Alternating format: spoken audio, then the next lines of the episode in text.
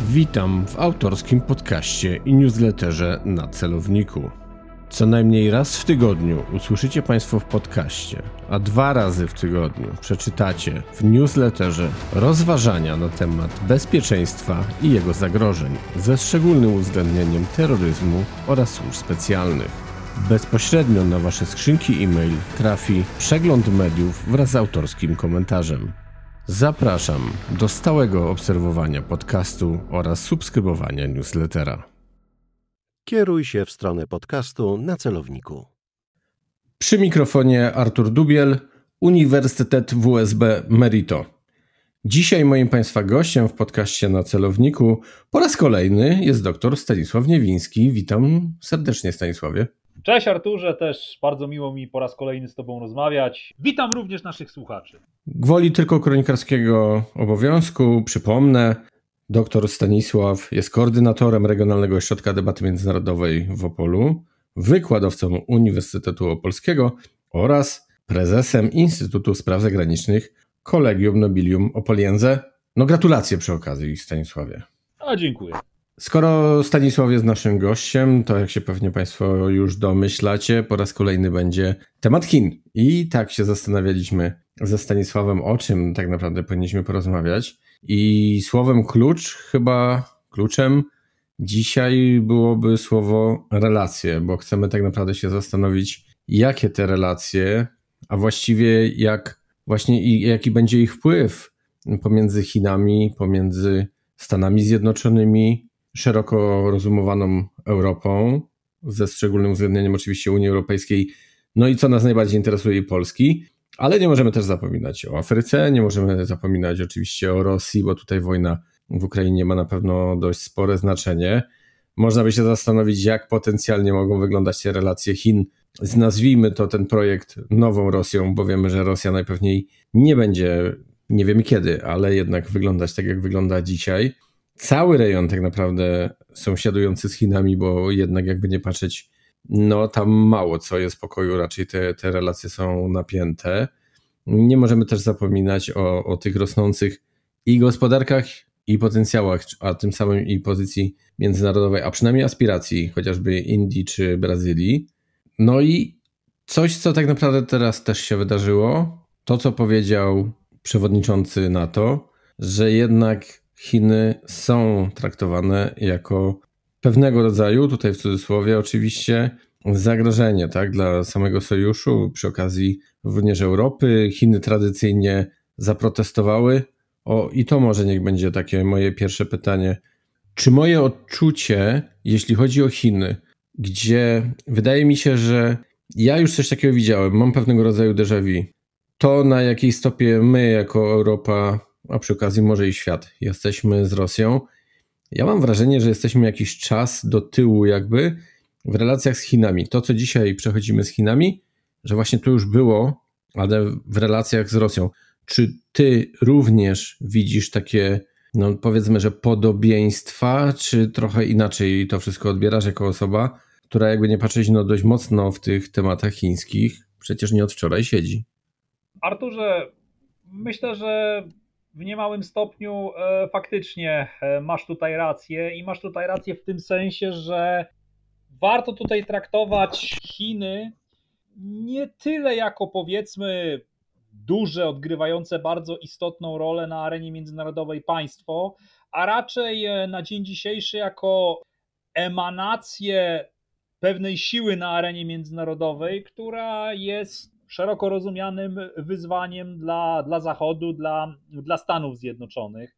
Przez ostatnie kilkadziesiąt lat, no przede wszystkim tutaj mówimy prawda o okresie zimnej wojny, no takim wyzwaniem dla Stanów Zjednoczonych, dla tak zwanego kolektywnego Zachodu był, był Związek Radziecki. Związek Radziecki, jak e, wiemy, się rozpadł i nawet biorąc pod uwagę, że Rosja ze szczególnym tutaj, prawda, uwzględnieniem prezydentury Władimira Putina, no próbowała tą e, globalną pozycję Rosji odbudować. Jak widzimy, to się, to się, to się jednak na szczęście prawda, prawda nie udało. Natomiast no, na taką rolę takiego głównego mocarstwa, wyzwania dla Stanów Zjednoczonych wyrosły, wyrosły Chiny i w tym sensie tutaj e, jak najbardziej masz rację. Jest to w jakiejś mierze powtórka z rozrywki, chociaż oczywiście no, z pewną specyfiką, o czym warto tutaj podkreślić. Chiny są mocarstwem działającym na arenie międzynarodowej, no jednak w trochę inny sposób niż Rosja. A mógłbyś przybliżyć te różnice, które ty diagnozujesz? Te różnice są dosyć spore.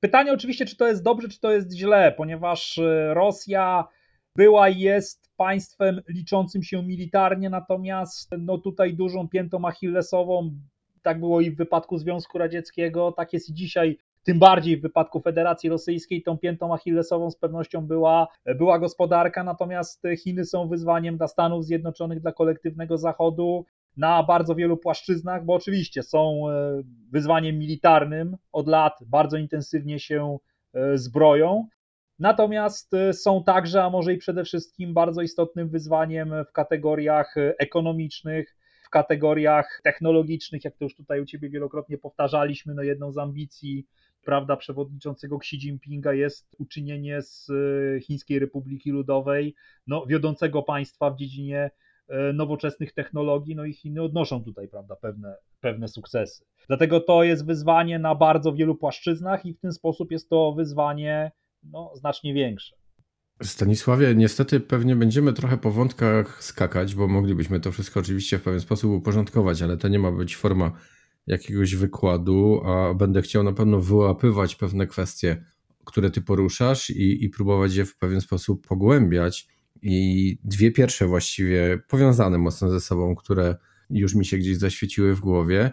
Pierwsza, o której tak naprawdę już wspominaliśmy w naszych poprzednich rozmowach Stany Zjednoczone, a Europa to nie jest dla Chin jakby jeden i ten sam podmiot. Oczywiście jako całość, jako Zachód, owszem, ale starają się mocno traktować je osobno i starają się oczywiście wbijać pewnego rodzaju szpilki pomiędzy Europę i Stany Zjednoczone. I poruszyłeś też temat technologii, techno, z technologii, z którą mocno Chiny próbują wchodzić do Europy. No, umówmy się, ich producenci tak naprawdę też wynajmują znane twarze, aby mogły reklamować ich produkty, tak, aby one były rozpoznawalne i jako marka, i, i właśnie jako produkty. Wiemy to chociażby z Polski, prawda? Na przykład. No i teraz w pewien sposób gdzieś tam Europa jednak być może za naciskami Stanów Zjednoczonych, bo nie wszystko do końca oczywiście wiemy, ale pewne rzeczy można wnioskować zdecydowanie. No jednak próbuje się gdzieś tam też od, od tej chińskiej technologii trochę odciąć mocne kroki, też Brytyjczycy poczynili. No myślę, że możemy tu abstrahować, że, że Wielka Brytania jest poza Unią Europejską, no ale jednak trzyma się z Europą dość mocno. Jak ty oceniasz tą, tą całą sytuację? Bo jakby nie patrzeć, chęć Chin jest, ale z drugiej strony niby też jest jakaś chęć, ale zdecydowanie z rezerwą i nie wiem, czy z coraz bardziej rosnącą świadomością bezpieczeństwa i jego zagrożeń, czy no już nie chcę sugerować, czy z pewnych innych kwestii pewne zachowania i decyzje wynikają. Arturze, no słusznie zrobiłeś tutaj, poczyniając to rozróżnienie w ramach Zachodu, że właśnie mamy Stany Zjednoczone i mamy Unię Europejską i że Chiny, Pekin patrzy na te dwa podmioty w różny sposób. Stany Zjednoczone są po prostu dla Chin wyzwaniem, są ich konkurentem na wielu płaszczyznach. Natomiast Pekin, decydenci w Pekinie chcieliby traktować Unię Europejską jako tą część Zachodu, z którą jednak jest szansa na pogłębianie współpracy, przede wszystkim na płaszczyźnie ekonomicznej. No i w tym duchu też w ostatnich kilku latach była prowadzona polityka chińska, no warto tutaj sobie chociażby przypomnieć rok 2020, prawda, i tą wielką e, umowę inwestycyjną pomiędzy Chinami a Unią Europejską, która jednakże, jak wiemy, w życie nie weszła i pewnie już e, nie wejdzie. Natomiast no, można zauważyć e, w ostatnich kilku miesiącach, no, że tutaj te relacje pomiędzy Brukselą a Pekinem są coraz bardziej chłodne i myślę, że takim wydarzeniem, o którym nie można w ramach tego naszego dzisiejszego podcastu e, nie wspomnieć, jest to, że Unia Europejska przedstawiła niedawno nową strategię bezpieczeństwa gospodarczego, której takim no, głównym celem jest e, zwiększenie tego nadzoru nad eksportem krytycznych technologii jest to powiedzmy to posunięcie, które no w dużej mierze zostało wprowadzone pod kątem, pod kątem chińskim, aby tutaj prawda, utrudnić e, Pekinowi dostęp do pewnych bardzo ważnych, wrażliwych wręcz e, technologii. Jak się nie trudno było domyśleć, no Pekin nie pozostał Unii Europejskiej e, dłużny, no i to już jest e, wydarzenie bardzo świeże. Chińczycy ogłosili, że podjęli decyzję o tym, że ograniczają bardzo mocno eksport dwóch kluczowych metali ziem rzadkich, mianowicie chodzi tutaj o gal i german, no i tutaj, prawda, no pojawiają się nawet jakieś pytania, czy z tego jakiejś takiej wojny gospodarczej pomiędzy Chinami i Unią Europejską e, mieć nie będziemy. Jest to no, bardzo ciekawa kwestia, e, bardzo ważna kwestia, bo jak mówię, to trochę burzy tą strategię Pekinu z ostatnich kilku lat, że no, ze Stanami Zjednoczonymi mamy tą rywalizację. Ona raz jest, raz ta rywalizacja się pogłębia, innym razem trochę hamuje, ale ona jest, natomiast z Unią Europejską pragniemy żyć w możliwie jak najbardziej dobrych stosunkach, na tyle, na ile się to da. No, pytanie, jak ta strategia wytrzyma te ostatnie wydarzenia. I tu takie pytanie, trochę ciekawostka. Stanisławie, może nie będzie wcale prosto, ale pewnym skrótem myślowym można by w jakiś sposób wydedukować, że Stany Zjednoczone bardziej są rywalem, trochę rynkiem, a Europa bardziej właśnie rynkiem, tak? Więc tutaj pierwsze z pytań, podpytań to to, o czym wspomniałeś, że być może czeka nas pewnego rodzaju wojna gospodarcza pomiędzy Europą a, a, Chinami. Bardziej się zastanawiam, czy to po prostu nie będzie takie bardziej konfrontacyjne podejście, zwłaszcza, że patrząc chociażby na przykład państw bałtyckich, ale nie tylko, Chiny często sobie pozwalały na mocno, no ja bym powiedział, no, bardzo niegrzeczne. Mocno, powiedzmy sobie szczerze, bardzo. Tak, niegrzeczne komentarze, w pewien sposób jakby anonimizowanie poszczególnych głów państwa, mówienie o nich w sposób bezosobowy, sformułowania typu jakiś polityk i tym, i tym podobne, tak? A, a z tych ciekawostek, bo tak to od końca niestety zacząłem, no to przypomina mi się też y, pewien materiał, który ostatnio gdzieś czytałem i było napisane, że w tych balonach, nie jednym oczywiście, które nad Stanami Zjednoczonymi sobie swobodnie latały. Była amerykańska technologia, tak? Dokładnie, dokładnie tak. I jak to widzisz, o to przed chwilą cię pytałem. Pytasz o to, Stany Zjednoczone to rywal i rynek, a Unia Europejska to przede wszystkim rynek, tak? I tutaj w tym kontekście, żebym się odniósł. Dobrze rozumiem? Tak, plus to, co wspomniałeś, że Unia Europejska może. Nazwałeś to wojną gospodarczą. Pytałem, czy faktycznie wojna gospodarcza, czy nie bardziej właśnie jakieś konfrontacyjne działania, ale jednak na zasadzie, no przecież oczekujemy współpracy przepływu towar, usługa, gotówka, tak? Znaczy tutaj wiesz, no przede wszystkim podstawową kwestią, o której trzeba powiedzieć jest to, że Unia Europejska, jak dobrze wiemy, nie stanowi, e, nie stanowi monolitu, to jest organizacja międzynarodowa, o mimo wszystko e, silnie nadal zdecentralizowanym charakterze, więc tutaj no, żeby mówić o jakiejś takiej wojnie handlowej, przede wszystkim ze strony Brukseli, no to przede wszystkim Unia Europejska, kraje Unii Europejskiej musiałyby no, osiągnąć jakiś daleko idący konsensus w stosunku do Pekinu, co jest rzeczą bardzo trudną, żeby nie powiedzieć niemożliwą, tak? Tym bardziej, że dwa najważniejsze organizmy polityczne i gospodarcze Unii, czyli Niemcy i Francja, no, dążą jednak do tego, aby te stosunki z Pekinem mieć na w miarę przynajmniej pozytywnej stopie, prawda? Więc tutaj osobiście no, nie spodziewam się jakoś bardzo gwałtownego, powiedzmy, załamania relacji. No niemniej jednak te plany Pekinu, aby tutaj, prawda, w ramach Unii Europejskiej sobie odbijać na przykład pewne straty gospodarcze, które Pekin ponosi w wyniku wojny handlowej ze Stanami Zjednoczonymi, wojny gospodarczej, no może być osiągnąć trudniej. Ale jak trudniej, to dziś myślę za wcześnie jest, aby spróbować na to pytanie odpowiedzieć. Zostańmy jeszcze w naszej części Europy. Temat oczywiście Rosji i Ukrainy.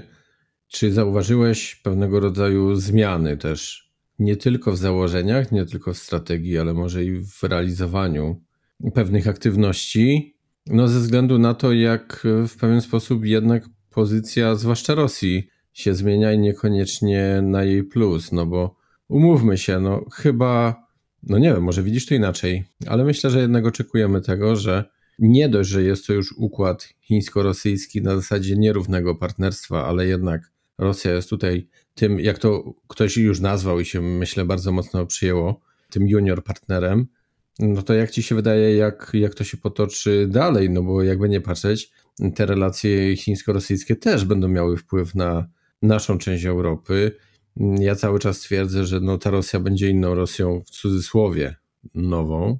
I to jest, wydaje mi się, rzecz, której nie wolno wręcz pominąć w rozważaniach, nie mówiąc już o jakichś głębszych analizach.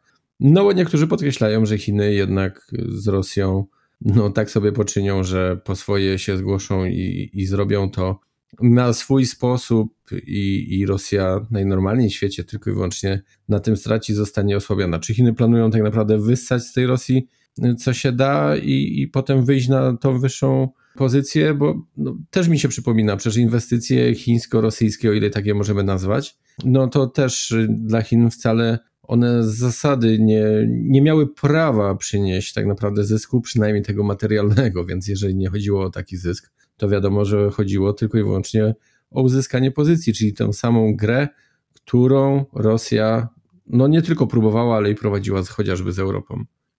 Myślę, że takim pewnym dobrym punktem wyjścia na temat, w rozmowie na temat stosunków chińsko-rosyjskich w ostatnich tygodniach, w ostatnich miesiącach, no jest odwołanie się do dwóch kwestii. Tutaj wielokrotnie powtarzaliśmy to, że no cały świat przygląda się temu, jak bardzo i w jak głębokim stopniu Pekin będzie Moskwie pomagał. No przede wszystkim w tym kontekście, że może na przykład zacząć wysyłać do Rosji swoje, swoje uzbrojenie, tak różnego typu.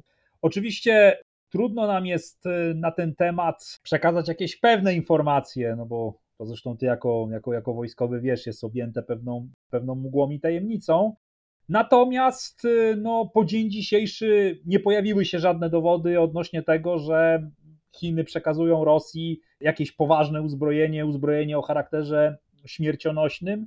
No i chyba można z tego wysnuć, wysnuć taką tezę, że taka sytuacja nie nastąpiła co dużo nam mówi o tutaj relacji e, rosyjsko-chińskiej, że jakkolwiek e, no niewątpliwie Chiny są w tym konflikcie zdecydowanie bardziej po stronie Rosji, no to jednak nie chcą tutaj, prawda, jakoś zbyt głęboko zadrażniać tych swoich stosunków z Zachodem, przede wszystkim ze Stanami Zjednoczonymi. E, no i warto też w tym kontekście odnieść się do stosunków chińsko-amerykańskich, o czym z pewnością będziemy jeszcze dzisiaj mówić, ale ja tylko tutaj powiedzmy pewne rzeczy nakreślę. No mieliśmy wizytę szefa amerykańskiej dyplomacji w Pekinie, pana Antoniego Blinkena, a teraz dosłownie chyba trzy dni temu w Pekinie była pani e, Janet Yellen, ta, Yellen tak, czyli osoba odpowiedzialna no, w dużej mierze tutaj prawda, za politykę gospodarczą, politykę handlową e, Stanów Zjednoczonych.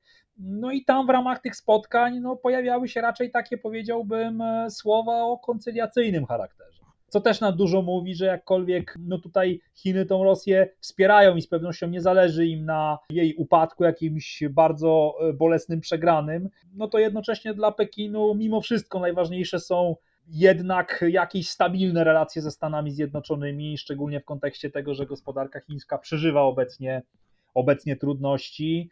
Decydenci w Pekinie, Xi Jinping liczyli, że po tym jak gwałtownie prawda, zniosą te obostrzenia covidowe, to gospodarka chińska nabierze bardzo szybko tempa i rzeczywiście na początku go nabrała, ale potem ten, to jednak tempo rozwoju gospodarczego ponownie zaczęło, zaczęło słabnąć. Chinom nie jest na rękę w tej chwili pogłębianie swoich antagonizmów gospodarczych ze Stanami Zjednoczonymi. No i w kontekście też to wsparcie dla Rosji no nie jest tak głębokie, jak Rosja by tego sobie oczekiwała. Odpowiadając na swoje pytanie, co te Chiny z tą Rosją zrobią, no to nie jest myślę specjalnie odkrywcze będą korzystać z jej osłabienia i będą ją od siebie uzależniać, co już robią.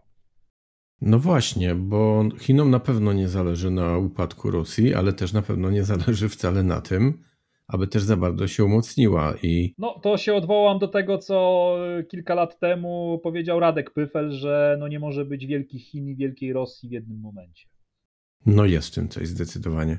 A trochę poszerzając poprzednią myśl, Zakładając takie małe political fiction, że Rosja wygrywa z Ukrainą, cokolwiek to znaczy, bo to też można interpretować na 100 różnych sposobów, no to mogliby Chińczycy analizować sobie, że przecież Rosja pewnie będzie się chciała posunąć dalej. Może nie tyle względem na to, bo umówmy się po raz kolejny, niespecjalnie Rosję na to znowu w cudzysłowie stać, ale próba jakiegokolwiek znowu rozszerzania się i kolejnych konfliktów no, powoduje, że tak, Europa jest zaangażowana w coś innego. Europa daje priorytet bezpieczeństwu i jego potrzebom, a niekoniecznie biznesowi w danej, w danej chwili, więc ten, nazwijmy to rozwój, czy ten rozrost, no niespecjalnie tym Chińczykom na rękę będzie, więc chyba ja nie wiem, czy tak naprawdę oni nie są tutaj głównym rozgrywającym, chociaż siedzą tak naprawdę w Pekinie, no nie licząc oczywiście służb specjalnych, to jednak rozgrywają, a Rosja jest trochę tym graczem i sobie nie do końca zdaje sprawę, myśląc, że też jest rozgrywającym w całym tym układzie. No dobrze, szeroko rozumowanym Zachodem, ale przede wszystkim z Europą. No w tym, co mówisz, jest niewątpliwie e, dużo prawdy. Rosja jest dzisiaj państwem, no już no, no zdecydowanie na wielu płaszczyznach słabszym, e, słabszym od Chin. To, że ona mogła sobie pozwolić w ogóle na tą inwazję, no to w jakimś stopniu na pewno było uzależnione od tego, że no my nie znamy oczywiście szczegółów tej, e, tej rozmowy z początku roku 2022, ale no wiele wskazuje, że Xi Jinping jakąś tam formę zielonego światła e, Rosji na ten konflikt, na ten konflikt dał. Gdyby wtedy wyraźnie wyrazili swój sprzeciw, no nie wiem, być może Władimir Putin grałby dużo łagodniej, tak? No więc tutaj e, no, niewątpliwie w tym wszystkim Chiny odgrywają bardzo istotną rolę. Jak bardzo istotną, no to może dowiemy się dopiero po jakimś czasie. Wielu doktorze tak naprawdę podkreśla, że gdyby Rosji ten plan zdecydowanie lepiej się udał, a reakcja Zachodu w domyśle NATO byłaby zdecydowanie słabsza, kraje, rządy znowu by się między sobą kłóciły, pogłębiłyby się pewnego rodzaju animozje, no to pewnie zaraz Chiny by ruszyły na Tajwan, tak? A abstrahując tak naprawdę od tego, to jednak należy podkreślić, że to prawdopodobnie Chińczycy doprowadzili do tego, że przynajmniej na dziś żadnej porządnej prowokacji, jeśli chodzi o atom, no nie mamy, bo jeżeli by sobie Rosja na cokolwiek pozwoliła, to należy się liczyć z tym, że konsekwencje mogłyby sięgnąć nie tylko Ukrainy, a to znowu zaszkodziłoby biznesowi. Więc czy możemy tak naprawdę patrzeć na to w dość uproszczony sposób, że Chinom przede wszystkim o ten biznes chodzi, czy powinniśmy jednak szerzej spojrzeć i, i parę innych kwestii tutaj niestety jakby umknęło? No słusznie poruszyłeś tą kwestię, wielokrotnie tu zresztą e, wskazywaną przez analityków, że prawdopodobnie, no może nawet kilkukrotnie chińscy decydenci, no przede wszystkim, prawda, Xi Jinping, zwracali Rosji uwagę na to, że no nie życzą sobie prowokacji atomowych. Także no to jest, tym z pewnością Pekin ma swój udział. Natomiast odpowiadając na Twoje pytanie, no powiem tak, to oczywiście chodzi o biznes, ale chodzi też o dużo bardziej, dużo dalej idące rzeczy. No przede wszystkim, gdyby Rosja użyła w tym konflikcie jakoś broni atomowej, to jest bardzo prawdopodobnym, że musielibyśmy się liczyć z tym, że po prostu wiele istotnych państw na arenie międzynarodowej no zaczęłoby dążyć do tego, aby własną broń atomową posiadać. I tutaj szczególnie istotna jest, jest Azja, jest Azja Wschodnia, ponieważ no nie można w takim wypadku wykluczyć, że na przykład Japończycy zdecydowaliby się, pomimo swojej tragicznej tutaj, prawda, historii na tym tle, zdecydowaliby się jednak pozyskać broń atomową dla własnego bezpieczeństwa. Niewykluczone, że w podobne, podobną drogą poszłaby Korea Południowa a to, czym, czemu, się, czemu, czemu nie należy się dziwić, byłoby głęboko nie na rękę, nie na rękę Chinom, które obecnie w tej wschodnioazjatyckiej e, układance no są, można powiedzieć, głównym państwem atomowym. No, broń atomową posiadła też Korea Północna, co prawda, ale no, jakie tam są jej możliwości w tym tle, przede wszystkim w przenoszeniu, to my tego, tego do, końca, do końca nie wiemy. W każdym razie, no bo zresztą Korea Północna jest państwem od Chin zależnym, więc póki co oni w tym kontekście mają bardzo daleko idącą przewagę, a gdyby Rosja tej broni atomowej użyła, no to ta chińska przewaga mogłaby się w Azji Wschodniej skończyć. Stanisławie, jedne z ostatnich doniesień dotyczących Chin mówią między innymi o o tym, że Wyspy Salomona stały się chińskie, oczywiście w artykule był tutaj cudzysłów, jednak no, pewien parasol Chiny położyły. Czy te wyspy faktycznie aż tak bardzo ważne są dla Chin, czy ktoś wyolbrzymił, czy powinniśmy się tak naprawdę zastanawiać, bo e, przecież jakby nie patrzeć, to nawet i Australia ma swoje obawy, jeśli chodzi o chińską politykę, tak? No tutaj oczywiście no dobrze, że użyto nawias, y, są chińskie, bo to jest oczywiście, powiedziałbym, trochę daleko idąca, y, idące uproszczenie. Natomiast no, y, niewątpliwie prawdą jest, że od kilku lat obserwowaliśmy bardzo daleko idącą chińską ofensywę dyplomatyczną, gospodarczą celem pozyskania tego, tego wyspiarskiego państwa. No, wyspiarskiego państwa, które, co nie jest tutaj chyba myślę dla, dla czytelników specjalną tajemnicą, no odgrywa dosyć ważną rolę, szczególnie tutaj w kontekście, w kontekście swojego położenia geograficznego. Kilkukrotnie już zresztą w ramach tutaj, prawda, naszych podcastów wskazywaliśmy o tym, że Chiny, prawda, w tej swojej wielkiej grze w Azji Wschodniej, Azji Południowo-Wschodniej, w ramach Oceanii, no próbują obejść coś, co chińscy generałowie i admirałowie nazywają odwrotnością Wielkiego Muru. No, oni powtarzają w ten sposób, że tak jak nasi królowie, a potem cesarze na północy budowali fortyfikacje, aby nas bronić przed plemionami barbarzyńskimi, no tak, pewnym kaprysem y, geografii wygląda sytuacja w ten sposób, że na wschód od naszego, od naszego wybrzeża ciągnie się łańcuch wysp, który nam utrudnia dostęp z jednej strony, prawda, na wschód, czyli na Ocean Spokojny i na południe, czyli na Ocean Indyjski, tak? I tutaj e, zbliżenie z Wyspami Salomona, który no, mamy podcast tutaj, prawda, nie pokazujemy obrazu ani map, ale myślę, że czytelnicy spokojnie mogą do jakiejś mapy zajrzeć, e, no leżą dosyć daleko, można by powiedzieć, po tym, e, poza tym łańcuchu, łańcuchu wysp, bo wręcz na wschód od, od Australii. No i tutaj, no jeśli rzeczywiście okazałoby się prawdą, że Chiny dążą do tego, aby zbudować tam jakieś instalacje wojskowe. Wspominało się, wspominało się o tym, że e, mogłyby tam na przykład bazować e, chińskie e, okręty podwodne, no to faktycznie w ten sposób no Chiny zdobyłyby jakieś, zdobyłyby wyjście na, na otwarty ocean spokojny. No ale oczywiście, o czym warto pamiętać, no to wszystko nie jest takie proste, bo powiedzmy, że te Wyspy Salomona, no to jest jednak pewien element no, szerszej układanki geopolitycznej. No, mamy, prawda, Indonezję, mamy Papułę Nową Gwineę, no, mamy oczywiście Australię i Nową Zelandię, które tutaj jednak no, dosyć blisko współpracują ze Stanami Zjednoczonymi. No więc ten fakt, że powiedzmy Chiny umocniły tam swoje stosunki z tym państwem, a umocniły ją faktycznie dosyć głęboko, no niekoniecznie musi powiedzmy wywracać całą sytuację. Jest powiedzmy pewnym naruszeniem amerykańskich interesów, z pewnością bolesnym, no ale tak jak, tak, jak powiedziałem, układ sił w regionie nadal bonusuje Stany Zjednoczone i pewnie długo jeszcze będzie. To takie trochę prowokacyjne pytanie, które może wcześniej powinienem zadać. Wyspy Salomona dzisiejszą Kubą? Wiesz co, no powstrzymam się od odpowiedzi na to pytanie. Powstrzymam się od odpowiedzi okay. na to pytanie. No powiem tak, na pewno z perspektywy chociażby Australii to jest problem. Szczególnie jeśli tam e, pojawiłyby się wojska chińskie, pojawiłyby się chińskie okręty. Tam powiem szczerze, wiesz, no my też nie znamy e, wszystkich szczegółów tego porozumienia, ale na przykład pojawiały się tam takie historie o tym, że mm, ja nie wiem, czy tutaj e, dobrze przytaczam słowa, że na przykład Chiny będą dbać o bezpieczeństwo w trakcie wyborów, co można rozumieć, że po prostu no, w razie gdyby do władzy chciały dojść elity opozycyjne w stosunku do obecnego rządu, to Chiny będą w dalekim stopniu obecną władzę e, wspierać, co można tutaj traktować jako, jakoś, jakoś, jako pewną próbę wspierania tam budowy systemu niedemokratycznego. Także pewne analogie tutaj niewątpliwie są. bardzo jest prawdopodobnym, że pojawi się obecność militarna na, na wyspie. No i z pewnością dla Australii, a dalej idąc dla Stanów Zjednoczonych, to to będzie problem. No ale tak jak, powie, tak jak e, wspomniałem wcześniej, no same Wyspy Salomona tutaj sytuacji diametralnie nie zmieniają jeszcze.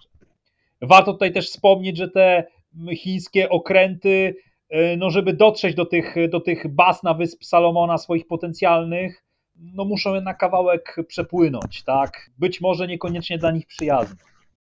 Wiem, doktorze, że chciałbyś rzucić w stronę tematów związanych ze Stanami Zjednoczonymi, ale Skoro tak rozwinąłeś ten wątek, to nie sposób tak naprawdę zapytać znowu o Afrykę, gdzie Chiny bardzo mocno się instalowały i pewnie dalej instalują, gdzie zawsze zastrzegają sobie też prawo no, do obrony tych swoich biznesów, a jednocześnie, albo poprzez to rzekomo, no, ochrony y, szlaków, tak? Czyli ta oceaniczna, ta, ta ciemna marynarka pewnie na tej samej zasadzie pojawi się tak jak i właśnie przy wybrzeżach Afryki, tak pewnie i tutaj, więc no, można by chyba takie wnioski wyciągać może i trochę smutne, no czy może nie smutne, ale no można by wyciągać wnioski dotyczące no jednak przynajmniej potencjalnych zagrożeń. No tutaj porównanie z licznymi, bardzo bliskimi partnerami Chin w Afryce jest jak najbardziej, myślę, uzasadnione, ponieważ no, w wypadku wielu krajów afrykańskich mieliśmy najpierw no, bardzo daleko idącą kooperację e, gospodarczą, liczne inwestycje, często na bardzo, powiedzmy sobie szczerze, nierówno, e, nierównoprawnych zasadach w stosunku do poszczególnych e, państw afrykańskich. No i nierzadko to się kończyło też tym, że Chiny instalowały i instalują, prawda, tam jakieś swoje instalacje wojskowe, no warto tu chociażby o Djibouti wspomnieć. No i tutaj ten scenariusz w wypadku Wysp Salomona, no niewątpliwie jest podobny. Dobrze, Stanisławie, to dam Ci teraz e, tę szansę. Żartuję oczywiście, ale idźmy, idźmy w stronę Stanów Zjednoczonych. Czy w swoich rozważaniach, jak się zastanawiasz tak naprawdę, jak te relacje dalej chińsko-amerykańskie będą wyglądały, Uwzględniasz też to, co jakiś czas temu w pewien sposób się w świecie mediów, czy po prostu w przekazach pojawiło, że i o tym chyba też mówiliśmy, że i Amerykanie, i Chińczycy zrozumieli, że ten świat z jednej strony jest trochę za mały dla i Stanów Zjednoczonych, i dla Chin, ale z drugiej strony, że jednak muszą jakoś koegzystować, nie mają wyjścia, muszą się na tym świecie wzajemnie zmieścić, więc może warto nie skalować pewnych, nazwijmy to, relacji. Jak dzisiaj tak naprawdę widzisz ten właśnie dzisiaj i jak widzisz to, co może się stać za chwilę w najbliższej czy trochę dalszej przyszłości, jeśli chodzi no, o te, umówmy się, jednak niełatwe relacje chińsko-amerykańskie. No, ostatnie spotkania pomiędzy urzędnikami amerykańskimi i chińskimi rzeczywiście e, wskazywałyby na to, że relacje tych państw w jakimś tam stopniu będą zmierzały w tym kierunku. Tutaj warto przypomnieć e, o kilku kwestiach. No z jednej strony mieliśmy tą wypowiedź prezydenta Joe Bidena, w której e, nazwał e, przewodniczącego Xi Jinpinga dyktatorem, to było szeroko komentowane. Przy czym ja bym do tego jakieś, e, przy czym ja bym tutaj jakoś tej kwestii za bardzo nie podnosił, bo no, o czym warto pamiętać, Joe Biden myśli już o przyszłych wyborach prezydenckich. Kwestia Chin, chińskiego zagrożenia będzie odgrywała swoją rolę w tym w kampanii wyborczej więc on no, musi tak ostro się wypowiadać. Takie są e, prawidła e, marketingu politycznego. Natomiast dużo istotniejsze były już te właśnie wizyty tutaj, prawda, urzędników, o których e, wspominałem wcześniej, mianowicie Antonego Blinkena i Janet Yellen, które już były rzeczywiście w takim bardziej, które już były prowadzone w takim jednak duchu mimo wszystko pewnego porozumienia. O czym oczywiście warto tutaj pamiętać, w obu tych spotkaniach no było wyraźnie powiedziane, że oba mocarstwa mają, mają sprzeczne interesy, tak? Że mamy do czynienia z rywalizacją, no i ta rywalizacja będzie, od tego nie uciekniemy, ale zarazem wskazywano na to, i to szczególnie wybrzmiało podczas, podczas wizyty pani Janet Yellen, że no tutaj, prawda, kompletne rozejście się amerykańskiej i chińskiej gospodarki, czyli ten decoupling, o którym się e, często mówi, no byłyby katastrofalne, tak? Więc no myślę, że jest tutaj e, w obu wypadkach e, takie założenie, e, że owszem, rywalizujemy ze sobą i musimy ze sobą rywalizować, od tego nie uciekniemy, ale ta rywalizacja powinna być mimo wszystko trzymana w jakichś no, rozsądnych granicach i chyba jest ku temu wola po obu stronach. A czy uzasadniona jest taka opinia, czy stwierdzenie, że to wojna w Ukrainie i rosyjska agresja tak naprawdę gdzieś tą świadomość pobudziły, no bo wcześniej no jednak na ostrym kursie kolizyjnym oba mocarstwa były, a teraz no momentami widać takie właśnie chęci jednak zmiękczenia i nie chcę powiedzieć, że chęci porozumienia się, ale jednak akceptacji wzajemnej obecności i aktywności. No myślę, że ten element na pewno e, odegrał tutaj swoją rolę. Z pewnością ja go dostrzegam po stronie, po stronie chińskiej, ponieważ no, też wielokrotnie te rozważania się e, w ramach tych naszych podcastów tutaj prawda pojawiały, e, że Chiny, gdy ten konflikt wybuchł, miały pewne, miały pewne nadzieje, tak? To znaczy miały nadzieję przede wszystkim tego typu, że będzie to swego rodzaju sprawdzian co do tego, jak sprawnie Zachód, kolektywny Zachód funkcjonuje no, w sytuacjach takich powiedzmy, w sytuacjach takiego powiedzmy no, poważnego, poważnego konfliktu, tak? To jest jedna sprawa. Druga, były tutaj nadzieje co do tego, że gdy wybuchnie taki konflikt, no to siłą rzeczy Ameryka będzie musiała skupić się na obronie wschodniej flanki NATO i tym samym być może e, jakoś tam zaniedba te swoje zobowiązania w stosunku do swoich sojuszników e, w Azji Wschodniej. No tylko, że oba te założenia no, zostały sprawdzone i to myślę w sposób, który niekoniecznie jednak ten Pekin zadowolił, ponieważ po pierwsze tak, no okazało się, że jakkolwiek my tutaj z polskiej perspektywy możemy mieć e, pewien niedosyt tutaj, prawda, co do powiedzmy tego stopnia współpracy krajów zachodnich przeciwko Rosji, co do stopnia wspierania prawda, Ukrainy. No ale mimo wszystko Zachód za, zareagował y, ostro i to w sposób, który Rosję zabolał. Co do tego y, nie mamy żadnych, nie mamy żadnych wątpliwości. On okazał się mimo wszystko jednak organizmem dość solidarnie działa, działającym. Skoro zadziałał w stosunku do Rosji, no to w Pekinie muszą się liczyć, że no w jakiejś mierze zadziała także, gdyby, gdyby Pekin podjął się jakichś, prawda, działań agresywnych. No a po drugie, jakkolwiek Stany Zjednoczone oczywiście zaangażowały się bardziej na wschodniej flance, flance NATO, widzimy to chociażby, e, chociażby prawda, z naszej polskiej perspektywy, gdzie no powiedzmy sobie szczerze, no Rzeszów wyrósł na takie bym powiedział dosyć e, istotne miasto garnizonowe w tej amerykańskiej perspektywie międzynarodowej. E, no ale mimo wszystko Amerykanie no, nie zaniedbali tej współpracy ze swoimi, ze swoimi sojusznikami w Azji Wschodniej. Umocniły się relacje amerykańsko-japońskie. Ameryka wielokrotnie podkreślała, że Tajwanu nie zostawi i zbroi go co do o, o czym warto pamiętać. Poprawiły się też stosunki pomiędzy Koreą Południową a Pekinem, a o czym warto tutaj pamiętać. No Pekin w ostatnich latach bardzo dużo zrobił, żeby zbliżyć te relacje swoje z Seulem i nawet pojawiały się takie takie komentarze w Stanach Zjednoczonych, że to tak do końca to już nie wiadomo na ile ta Korea Południowa jest w stosunku do nas lojalna, no jednak okazuje się, że dla Korei Południowej Ameryka to nadal jest y, topowy sojusznik, jeśli chodzi o bezpieczeństwo i tutaj się wiele nie zmieniło, pomimo oczywiście bliskiej kooperacji gospodarczej z Pekinem, która trwa i pewnie trwać będzie. No dlatego no to sprawdzam, no, no nie jest dla Pekinu zachęcające specjalnie. Chińczycy zrozumieli to, że gdyby oni się zdecydowali na jakieś agresywne działania, czy to w stosunku do Tajwanu, czy na obszarze Morza Południowochińskiego, to muszą się liczyć z bolesnymi sankcjami, tak? Muszą się z tym liczyć. E, no i to doprowadziło do tego, że no jednak no, trzeba te stosunki prowadzić tak, aby tutaj no, te stosunki nie uchodziły się jakoś gwałtownie, bo to się negatywnie odbije na chińskim wzroście gospodarczym i w konsekwencji na no, da, dalej idących planach, planach Pekinu. Natomiast co do Stanów Zjednoczonych, no też myślę, że no niemałą rolę jednak odgrywa fakt, że no jest ta presja rosyjska. Ameryka musiała się zaangażować poważniej na wschodniej flance NATO, no i nawet oczywiście uwzględniając to, że Ameryka jest potężnym mocarstwem, ma ogromny potencjał, no to z pewnością w interesie decydentów Waszyngtonu no nie jest to, aby jeszcze w tym samym momencie no, Chiny zaczęły podejmować jakieś niebezpieczne działania gdzieś indziej. Także to z pewnością, myślę, po obu stronach doprowadziło do e, poszukiwania jakiegoś większego konsensusu. Ale o czym warto pamiętać, ten konsensus nie oznacza, że te oba mocarstwa przestaną ze sobą rywalizować, bo będą to robić dalej, mają po prostu sprzeczne interesy. Tak trochę pół żartem, pół serio, Rzeszów chyba wyrósł na trzecie najbardziej rozpoznawalne po Warszawie i Krakowie polskie miasto w Stanach Zjednoczonych, nie licząc oczywiście samej Polonii. To bardzo prawdopodobne.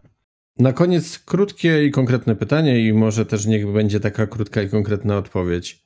Czy w Twojej opinii, w analizach najróżniejszych, przekazach medialnych i tym podobnych opracowaniach, nie są pomijane jakieś mniej lub bardziej oczywiste kierunki, nad którymi powinniśmy się skupić, na których właśnie skupiać będą się Chiny, tak? Wspominałem na początku naszej rozmowy E, temat Indii, wspominałem temat Brazylii, ale czy według Ciebie są właśnie jakieś państwa, być może regiony, niekoniecznie państwa, nad którymi nie pochylamy się i nie zastanawiamy, a Ty już gdzieś tam nosem wyczułeś, że Chińczycy być może będą próbowali nie tyle coś robić, ale jednak pewną aktywność próbować po, po, poczyniać tak, aby w przyszłości, no umówmy się, jednak jakieś korzyści odnieść, a co będzie miało wpływ też na nie tylko bezpieczeństwo, ale, ale właśnie pewien, pewien ład i porządek wręcz światowy. Wiesz, to jest bardzo trudne pytanie, na które mi jest ci trudno jednoznacznie odpowiedzieć, no ale jednak nie jest w dobrym tonie, abym pozostawiał e, Twoje pytania, szczególnie tak ważne, bez odpowiedzi. To myślę, że tak na naszym gruncie polskim bardzo, bardzo słusznym byłoby, generalnie rzecz biorąc, w większym stopniu pochylać się nad rolą Indii w stosunkach międzynarodowych. No bo tak, no te Chiny w ostatnich latach stały się e, bardziej popularne no do tej świadomości przedarło się w jakimś stopniu, no, że to jest kluczowy element globalnej układanki w XXI wieku. Natomiast my często zapominamy o tym, że no, podobną, choć inną drogę jednak modernizacji, wzrostu znaczenia międzynarodowego przeszły i cały czas przechodzą Indie. One, one znajdują się w bardzo interesującym miejscu na arenie międzynarodowej, no bo są krajem azjatyckim, tam mają zakotwiczone swoje interesy. Partycypują w wielu formatach międzynarodowych, takich powiedzmy trochę jednak nastawionych, no może nie tyle w kontrze do, do Zachodu, co jednak powiedzmy pozycjonujących się inaczej niż Zachód. E, no warto tutaj chociażby zwrócić uwagę na BRICS, na Szanghajską Organizację Współpracy. No warto pamiętać, że w tych formatach bardzo ważną rolę e, odgrywają Chiny, no ale zarazem e, pogłębiają się relacje E, pomiędzy Indiami a Stanami Zjednoczonymi, tak? I powiedzmy sobie szczerze, w którym międzynarodowym obozie te Indie się znajdą, ten obóz może tą rywalizację wygrać. I myślę, że tym Indiom powinniśmy, powinniśmy coraz więcej miejsca przyznawać. Tym bardziej, że no też z naszej polskiej perspektywy ta induska społeczność nad Wisłą i Odrą stale, stale wzrasta, prawda? Nawet tutaj, prawda, z punktu widzenia E, mojego Opola, czy na przykład jedna z koleżanek mojej narzeczonej niedawno wyszła za Hindusa, co świadczy, że te Indie no, są coraz bardziej u nas, tak? Tym bardziej powinniśmy to, to śledzić. Stanisławie, może będziesz niezadowolony, bo chciałeś ten wątek ominąć, ale bardzo krótko, lekko spoilerując nasze kolejne spotkania, bo na pewno jednym właśnie z wątków całego odcinka będzie konfucjanizm jako, jako system. Nie mogę się doczekać. ja również. Ale właśnie takie pytanie, również krótkie, mi się tak naprawdę zrodziło. Czy gdzieś zasady funkcjonowania tego systemu, idea tego wszystkiego, też w pewien sposób pozytywny będzie mogła oddziaływać na to, jak te relacje chińsko-amerykańskie i w ogóle całym światem jednak wejdą na jakąś drogę. Już nie chcę powiedzieć, że jakąś dobrą, ale chociaż taką zerową, że niekoniecznie będziemy sobie w pewien sposób szkodzić, czy przeprowadzać pewnego rodzaju, chociaż to słowo będzie na wyrost, agresywne działania. E, ja podejdę do tego Twojego pytania w sposób e, mocno subiektywny. No tutaj wielokrotnie wspominaliśmy na to, że o tym, że no, jednym z takich moich zainteresowań naukowych jest szeroko rozumiany wpływ chińskich tradycji politycznych, w tym przede wszystkim konfucjanizmu na funkcjonowanie tego państwa, zarówno na płaszczyźnie wewnętrznej, jak i zewnętrznej. E, no ja tak subiektywnie ze swojej strony powiem, że uważam, iż konfucjanizm może być tym elementem, który w perspektywie iluś tam dekad doprowadzi w jakimś stopniu do pluralizacji demokratyzacji systemu politycznego HRL, a to będzie miało ogromny wpływ na rolę tego państwa w świecie Pytanie tylko, czy z naszej europejskiej perspektywy, perspektywy pozytywnie czy negatywnie, bo to wcale nie jest takie proste. Ale o tym może już opowiadamy sobie następnym razem. Zdecydowanie tak i z tym właśnie niedosytem pozostawmy naszych słuchaczy. Mam nadzieję, że będą oczekiwać tegoż odcinka. Dzisiaj moim Państwa gościem w podcaście na celowniku był stały współpracownik podcastu dr Stanisław Niewiński, prezes Instytutu Spraw Zagranicznych Kolegium Nobilium Opoliense, koordynator Regionalnego Ośrodka Debaty Międzynarodowej w Opolu oraz wykładowca Uniwersytetu Opolskiego. Doktorze, bardzo nisko się kłaniam i serdecznie dziękuję za kolejną rozmowę. Ja bardzo dziękuję za kolejne zaproszenie. No, myślę, że nie ostatnie. Bywajcie zdrowi, bywajcie bezpieczni. Kieruj się w stronę podcastu na celowniku. Wszystkie odcinki podcastu na celowniku dostępne są w ponad 20 największych platformach podcastowych, a także w serwisie YouTube. Zapraszam także do subskrybowania newslettera na celowniku pod adresem www.nacelowniku.com. Jeśli doceniasz podcast i newsletter na celowniku, zapraszam do wspierania w serwisie Patronite pod adresem patronite.pl ukośnik na celowniku.